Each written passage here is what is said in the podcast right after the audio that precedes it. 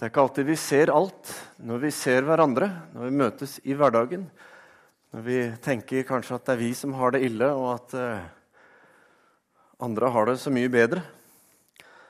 For Catherine så stemte det nok når hun tenkte det. Eh, jeg tenker Det å dele livet på den måten, eh, det gjør noe med oss. Og det åpner for noe som forteller oss om at livet har en side som eh, har en annen sannhet enn den vi ofte går og danner oss i hodene våre. Jeg har lyst til å si takk til Catherine, eller Cathy, som vi gjerne kaller henne her, for at hun våget å dele sin historie, som er en som dere skjønner, både tung og vanskelig historie, men som hun får lov til å Eh, forholde seg til i et nytt lys i dag. Så jeg har lyst til at vi bare skal klappe for Cathy, for at hun gjør det.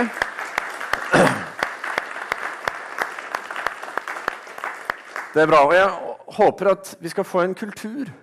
Eh, at vi kan endre litt på en kultur hvor alle tror at alle har det bra, og vi skal bare late som.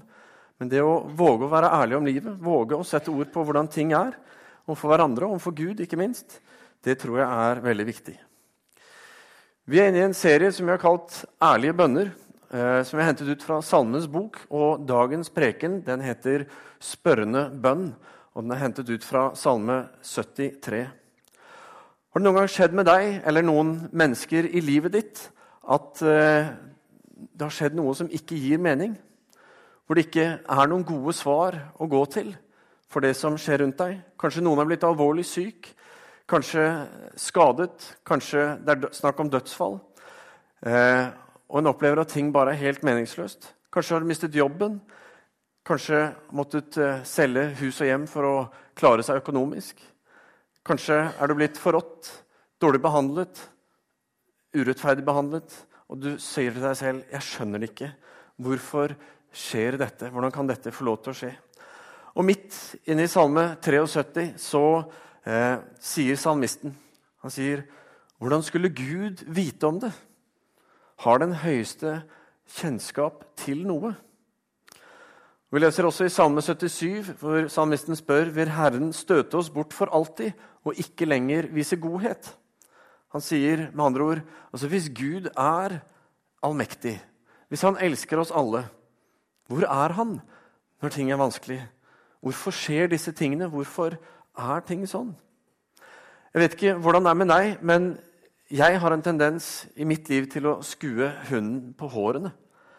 Jeg har en rekke ferdigprogrammerte tankerekker som har blitt til gjennom livet mitt, som jeg ikke bevisst har bygd opp, men som eh, bare har fått bli sånn, og som dukker opp i møte med andre mennesker, forskjellige typer mennesker. Jeg kan møte en narkoman på gaten, og så kommer det på en måte fram et sånt ferdig tankesett om den narkomane. Jeg kan møte en som er rik, og så dukker det opp et annet tankesett. Og så kan jeg møte en ungdom som er kledd fra topp til tå i svart, sminket fra topp til tå i svart, og har et, eh, en spikerfabrikk i ansiktet.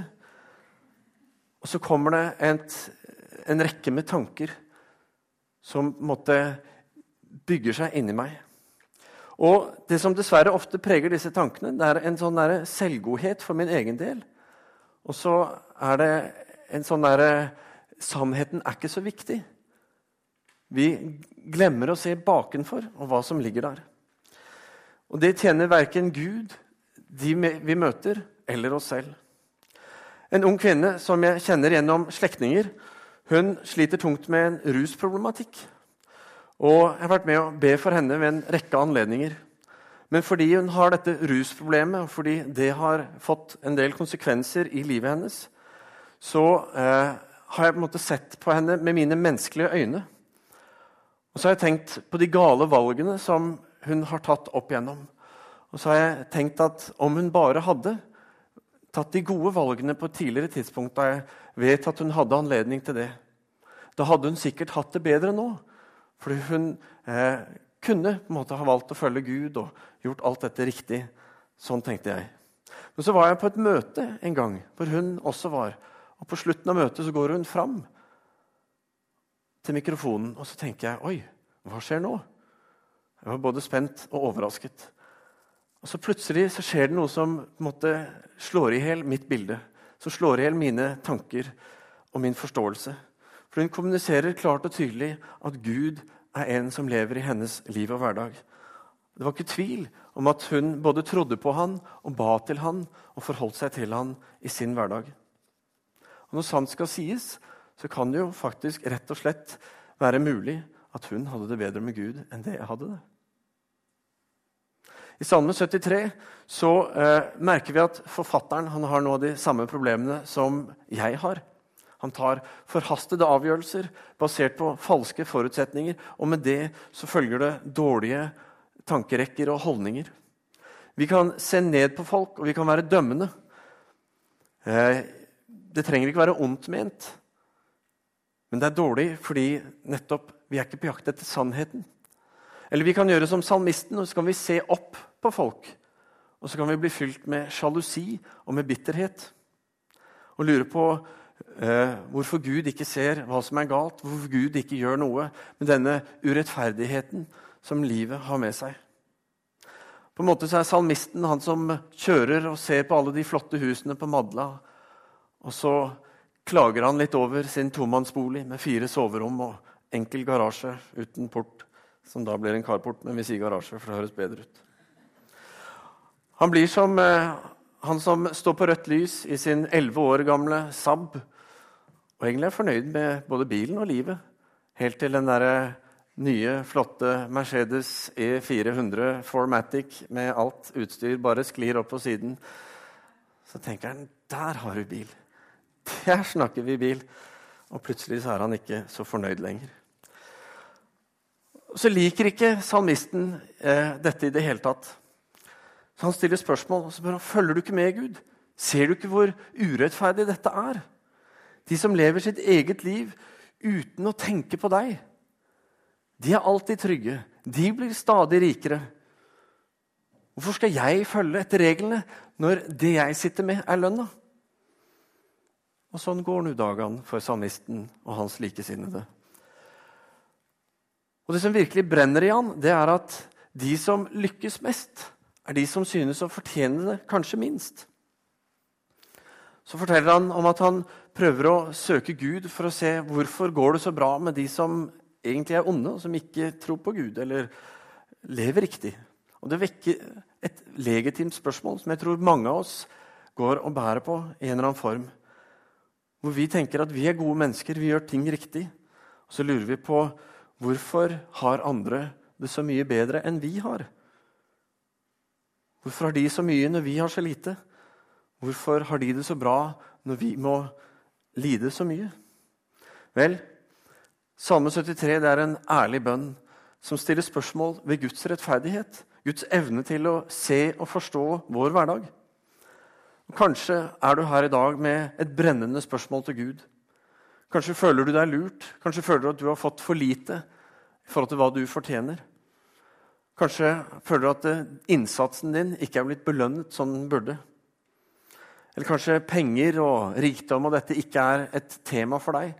Kanskje er det at du ser andres skjønnhet eller andres eh, vellykkethet i forhold til god jobb, at de har talenter som du gjerne skulle hatt. Kanskje du ser andres barn eller sånne ting og tenker sånn skulle det vært for meg. Kanskje har sykdom, kanskje er det dødsfall, kanskje er det tap som bare dukker opp ingensteds fra uten grunn. Kanskje kjenner du deg igjen i Cathy sin historie. Vel, jeg har ikke alle svarene på hvorfor de tilsynelatende, de som tilsynelatende ikke fortjener, får mer. Mens de, og da tenker vi gjerne ofte på oss selv, som tilsynelatende fortjener mer, får mindre. Og kanskje er denne jakten på hvem som fortjener mer og mindre, feilen i seg selv. Men jeg ser at salmisten han gjør de tre vanligste feilene som mange av oss gjør. Tre feil som fordreier hans perspektiv og får han til å stille spørsmål ved Guds godhet, Guds rettferdighet. Og Kanskje vil du kjenne deg igjen når vi går igjennom disse tre feilene. Den første feilen det er sammenligning. Vi eh, tar teksten fra en eh, bibeloversettelse som heter The Message, som er en parafrasert oversettelse.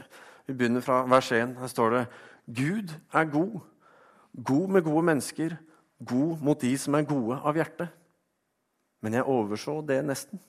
Jeg overså nesten hans godhet, fordi jeg kikket den andre veien. Jeg så opp på toppen, misunte de onde som hadde alt for seg, som ikke hadde noe å bekymre seg for, ikke et ansvar i hele verden. Problemet er at salmisten han ser opp. Han ser på folk på toppen. Han sitter i sin elleve år gamle Saab og er helt fornøyd til han ser Mercedesen gli opp på siden av han. Men forresten, hvordan kan han vite hvordan han som sitter i den Mercedesen, har det? Hvordan kan han vite at han eller hun som sitter der, ikke er på punkt 11 i AA-programmet og har jobbet og slitt lenge med å overvinne avhengighet? Hvordan vet hun eller han at vedkommende er, eh, ikke sitter der uten tro, uten håp? Eh, det er ikke sikkert engang at det er hans eller hennes bil. Men når salmisten sammenligner sitt liv med noen som har mer, så vokser bitter fram, bitterheten fram i han, bitterheten på Gud. Og der tror jeg vi havner fort, alle og enhver. Når vi begynner å sammenligne, så trenger vi å minne oss på hvordan sannheten egentlig er. For når jeg begynner å sammenligne meg, som jeg rett som det er gjør, så må jeg fortelle meg selv hvor bra jeg egentlig har det. Jeg må si, 'Frode, du har levd 40 år. Jeg vet ikke ser sånn ut, men jeg har levd 40 år. Du er frisk, og du har det bra på egentlig alle områder i livet. Og det i seg selv er en gave. For det andre så har du fått lov til å ta imot Gud og ha en relasjon med Han i ditt liv. Du får være Guds barn. Du har et håp i dette livet som er dypere i deg enn du klarer å forklare. Og du har et håp for en evighet i det neste livet. For det tredje så har du en kone som elsker deg, barn som ser opp til deg, og en katt som har ærefrykt for deg. Ok, Hun er egentlig livredd meg, men det hørtes mye bedre ut eh, på den måten. Eh, og for det fjerde så har du en gruppe venner som støtter deg. En eh, menighet som du har stor tro på, og en jobb som gir deg masse glede. Og enda mer, du bor i kanskje verdens rikeste land. Du har hus, du har bil, du har økonomisk trygghet. Og jeg må innrømme at jeg har nok mer enn det jeg fortjener. Jeg har sett mange deler av verden, og for de som sutrer over alt vi ikke har, så tenker jeg at det grenser om til synd. Jeg har delt ut klær til barn i Colombia, hvor de kommer eh, knapt med klær, uten sko kanskje med bare én sko, og får ta imot klær, gamle klær som vi ikke lenger trenger. Jeg var i Uganda og ba med en ungdom. Og når vi pratet etterpå, så var han så opptatt av T-skjorta mi. Og jeg hadde pakket de dårlige klærne mine for den turen og pakket med en ting, del ting jeg skulle gi bort. Men han var så opptatt av T-skjorta mi, så jeg spurte om han ville ha den. I mine øyne var den verdiløs. I hans øyne så betydde den utrolig mye. Jeg har sittet på kontoret mitt her i Stavanger med eh, foreldre som ikke klarer å sette mat på bordet sånn at barna skal ha det bra. Og Så har jeg gått sammen med andre i menigheten og så har vi gitt gavekort til å kunne gå og handle mat. Desperate rop om hjelp rundt oss. Og når jeg føler at jeg fortjener mer, så trenger jeg bare å tenke på hvordan de fleste i verden har det. Fordi mer enn 80% av verdens befolkning lever på mindre enn 60 kroner dagen. Og ifølge Unicef så dør 22 000 barn hver dag pga. fattigdom. Kanskje er det fordi jeg fortjener så mye her jeg er. Men salmisten han sier, 'Jeg overså nesten Guds godhet' fordi jeg så opp mot folk på toppen. Han sammenlignet og overså nesten hvor god Gud var. Den andre feilen vi gjør, det er falske forutsetninger. Min tanke om denne unge kvinnen viste seg å være helt feil om hennes forhold til Gud. Og det finnes utrolig mange flere gudsforhold og gudslengsler i vårt samfunn enn det vi aner. Men fordi vi gjerne tenker at de som har et gudsforhold, det er de som allerede har funnet sin plass i kirken og går der, mens de andre ikke har det, så har vi så lett for å glemme at, å se at Gud allerede er i virksomhet i livene til de menneskene som han har satt rundt oss i vår hverdag. Og kanskje er det nettopp i kirken og rundt troen at vi trenger å rydde opp i falske forutsetninger. Se på noen av de falske forutsetningene som salmisten gjør. Vi ser videre. Han sier de på toppen de ser ut til å leve et dans på roser-liv. De lider ikke som andre mennesker og er ikke plaget med problemer som alle andre. De har alt sitt hjerte ønsker seg. Stemmer nå det? Er det sant? Det er vel så mye avhengighet, skilsmisse, smerter bak kulissene hos de rike som hos hvem som helst andre. Og kanskje er det enda mer der. Har du noen gang møtt eller eh, hørt om noen som har et stort hus, men ikke noe hjem? Som har en vellykket ektefelle, men et dårlig ekteskap? Som har masse penger, men ingen venner? Forutsetningen som sier at de som lykkes etter si, verdens standard, har et problemfritt liv, den er helt feil. Og Noen ganger blir rikdom til og med en forbannelse for barn fordi de vokser opp eh, i en setting hvor de ikke blir forberedt på realitetene i livet. Men det er også galt å anta at de som lykkes i livet, bare har fått dette gratis, servert i fanget for ingenting. De fleste har tjent sin formue gjennom å jobbe hardt, gjennom lang utdannelse og masse innsats. Og Salmisten han konkluderer feilaktig med å si at de på toppen de er ikke bekymret for noe. Ikke bekymret for andre i det hele tatt. Men sannheten er at ethvert menneske, enhver familie, har sitt eget sett av smerter, sitt eget sett av tap og dysfunksjoner. Og Den tredje feilen den handler om overdrivelse. Når jeg begynner å sammenligne meg selv med andre, så er det ikke lenge før jeg begynner å overdrive over min egen situasjon, hvor dårlig jeg faktisk egentlig har det. I vers 13 så sier eh, salmisten var det for ingenting at jeg holdt mitt hjerte rent og holdt meg fra å gjøre galt. Alt jeg får, er problemer hele dagen.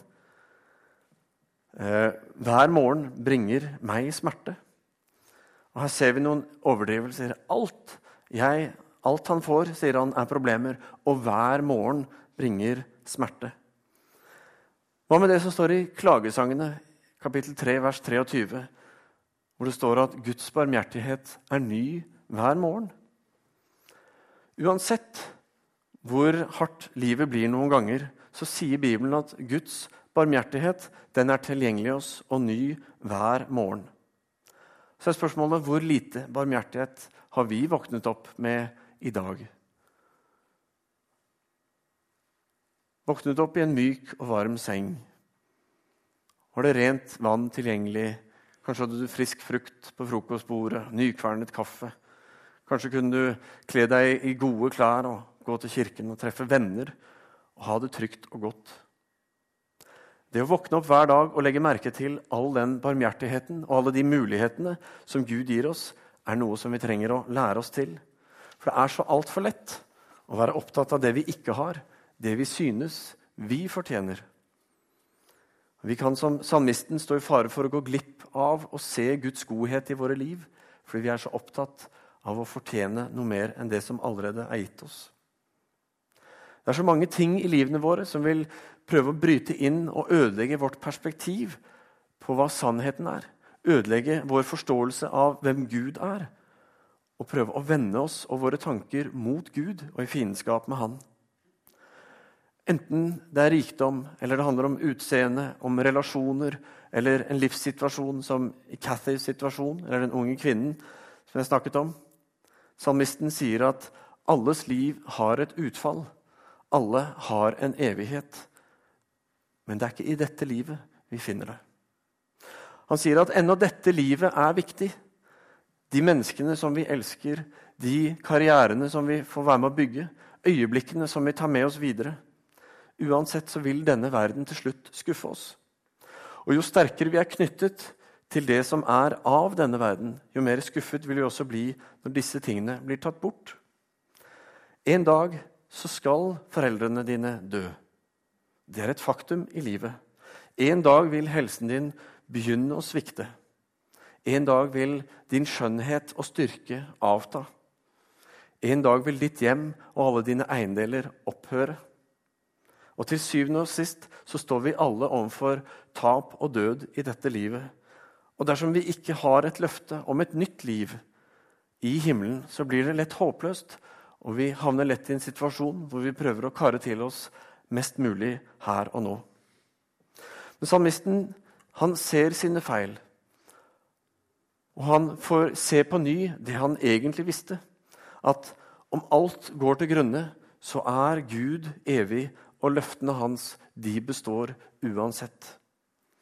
Jesus sier i Johannes 16, vers 33.: Dette har jeg sagt dere for at dere skal ha fred i meg. I verden er det, har dere trengsler, men vær frimodige, jeg har seiret over verden. Vår fred og vår sannhet er hos Gud, og gjennom Jesus så ønsker han at vi skal få en erfaring av tro og håp som er dypere enn vi kan forklare. Så ønsker han å føre oss enda nærmere ham. I en bok som heter 'Flirting with Faith', altså flørte, flørting med tro, som eh, handler om en åndelig reise fra ateisme til et trosfylt liv, så forteller forfatteren Joanne Ball om sitt liv da hun fylte 37 år og følte at hun hadde alt. Hun hadde en flott og kjærlig familie. Hun hadde et stort og ekstravagant hjem, som hun sier. Hun hadde en flott karriere, men hun trodde ikke på Gud. Før en dag hun fant seg selv sittende i en kirke fordi barna hadde dratt henne med dit. Så sitter hun der og så kjenner hun at hun begynner å bli fryktelig kortpustet. Og i tankene hennes så føler hun at nå får jeg et hjerteinfarkt. Hun gjorde ikke det, men der og da så begynner en intens søken etter Gud, noe som leder til forvandlet liv og forandrede verdier i hennes liv. Men så skjer det at tre år inn i dette nye troslivet som Joanne og familien har, så opplever hun at både hun og ektemannen mister jobbene sine. De må selge dette flotte hjemmet, og sønnen deres Andrew får en sykdom som gjør at han plutselig slutter å puste, og alt bare svartner. Det er ganske dramatisk. Og Hun skriver i boken sin jeg har lyst til å spørre Gud. Spørre han om hvis han elsker oss så mye, hvorfor har han ført oss inn i dette, denne finansielle ustabiliteten? Hvorfor tillater han at Andrew er så syk som han er? Gud, dette gir ingen mening. Det er ikke rettferdig. Men senere i boken så sier hun at også andre spørsmål dukket opp. Og hvis jeg krevde at Gud skulle være rettferdig etter min standard, ville ikke da rettferdighet være noe som måtte gå begge veier? Hvis familien min fortjente å være sunn og ha økonomisk trygghet, hva mer fortjente jeg i livet? Hvordan ville livet mitt se ut om jeg faktisk fikk alt det jeg fortjente?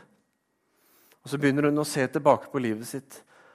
Så tenker hun ok, hvis jeg ble tatt og satt i arrest hver gang jeg hadde kjørt i beruset tilstand, som tydeligvis var flere ganger Hvis jeg hadde blitt tatt og straffet for alle de gangene jeg brøt loven Hvis jeg var blitt straffet for hvert stygge ord jeg sa eller tenkte Og så fortsatte hun på en lang liste så sier hun, 'Vil jeg virkelig ønske å gjøre opp regnskap for hva jeg skylder Gud, og hva han skylder meg?'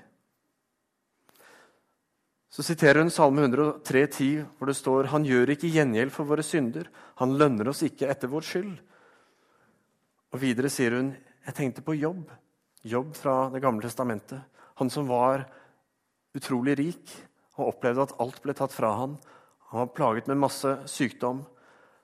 Og så opplever han å komme tilbake til livet igjen med rikdom og alt. Så konkluderer hun med at Gud hadde nok sine egne grunner for å la Jobbs verden gå til grunne. Og kanskje var det samme sant for henne i hennes situasjon. Og eh, det vi ser, det er at eh, sønnen Andrew senere han ble frisk. Både hun og mannen fikk jobber som de trivdes med og hadde det bra i. Og Joanne sier at eh, selv om livet ikke alltid er rettferdig, så kan hun stole på Gud, for han er en som står med uansett. Han har sagt At det vil være trengsler, men han er også hele tiden med. Og Det samme hører vi fra Cathy i hennes vitnesbyrd til oss i dag. Og Kanskje er det noe du også har opplevd eller skal få oppleve i ditt liv. Gud kan vende det onde til noe godt. Selv døden, har han vist, er ingen hindring for han. Så la oss ikke lure oss selv, fordi livet det er hardt. Og ofte virker det fryktelig urettferdig. Og når livet er urettferdig, så kan vi bli bitre og lure på om Gud egentlig vet hva som skjer. Og Hvis du føler det sånn, så har jeg lyst til å stille fire forsiktige spørsmål helt til slutt, som du kan få lov til å se om du kan ta med deg. For det første har du tillatt sammenligning, falske forutsetninger og overdrivelse til å forstyrre ditt perspektiv på livet og på Gud? For det andre kan det være en idé å tenke gjennom all den barmhjertighet som Gud allerede har gitt deg. Skrive det ned og tenke gjennom hvilke muligheter det gir deg i livet. For det tredje kan du spørre deg er du klar over at dette livet ikke er alt. At alt i denne verden det vil forsvinne og vil bli byttet ut med et nytt liv i evighet i himmelen for alle som tror. Og til slutt vil du begynne å stole på Guds rettferdighet. At han har en plan, at han har kontroll, og at han alltid er med. Gjennom alle prøvelser, gjennom alle gode stunder, gjennom hele livet. I Matteus 6, 33 så sier Jesus.: Søk først Guds rike og hans rettferdighet, så skal dere få alt det andre i tillegg. Gud er alltid med. Selv om livet er hardt og vanskelig, så tror jeg det er viktig for oss å ikke la våre tanker dreies mot Gud. For da tror jeg trengselen blir enda trangere, enda hardere, enda vanskeligere. Gud er med, og det er et håp og en trøst i tunge dager og en glede i gode dager, skal vi be. Kjære himmelske Far, takk, Herre, for at uh, du er en som tåler, Herre, at vi kommer til deg med våre spørsmål, med våre følelser, når vi synes at uh, ting ikke er som det skal være, så tåler du å høre det, Herre. Du tåler at uh, vi løfter knyttneven og kjefter litt. At vi er så sure at vi til og med forlater deg, Herre. Takk, Herre, for at du aldri forlater oss. Takk for at du alltid kjenner oss, alltid er med oss, Herre. Og takk for at gjennom alt så ønsker du å gå sammen med oss, ønsker å støtte oss, trøste oss, hjelpe oss ja, bære oss gjennom de tyngste stundene, Herre. Så jeg ber, Herre, at du skal tale ditt ord til oss i formiddag. Kom med trøst, kom med oppmuntring. Og Herre, vis oss hvor vi har tenkt feil. Vis oss hvor vi trenger å se alt det du gjør, og forandre vårt perspektiv. Herre, hjelp oss i dette. Hjelp oss å se dette, slik at ikke vi blir sittende igjen med bitterhet at ikke vi blir sittende igjen og selv være del av den smerten vi har, fordi vi vender oss vekk fra deg. Men Herre, takk for at du alltid er med, og takk for at du kommer til oss. Og så sier du 'alt mitt er ditt'. Og så inviterer du oss inn til fellesskap med deg, til liv sammen med deg. Og takk, Herre, for at i alle ting så er du alltid med oss. Vi priser deg i Jesu navn. Amen.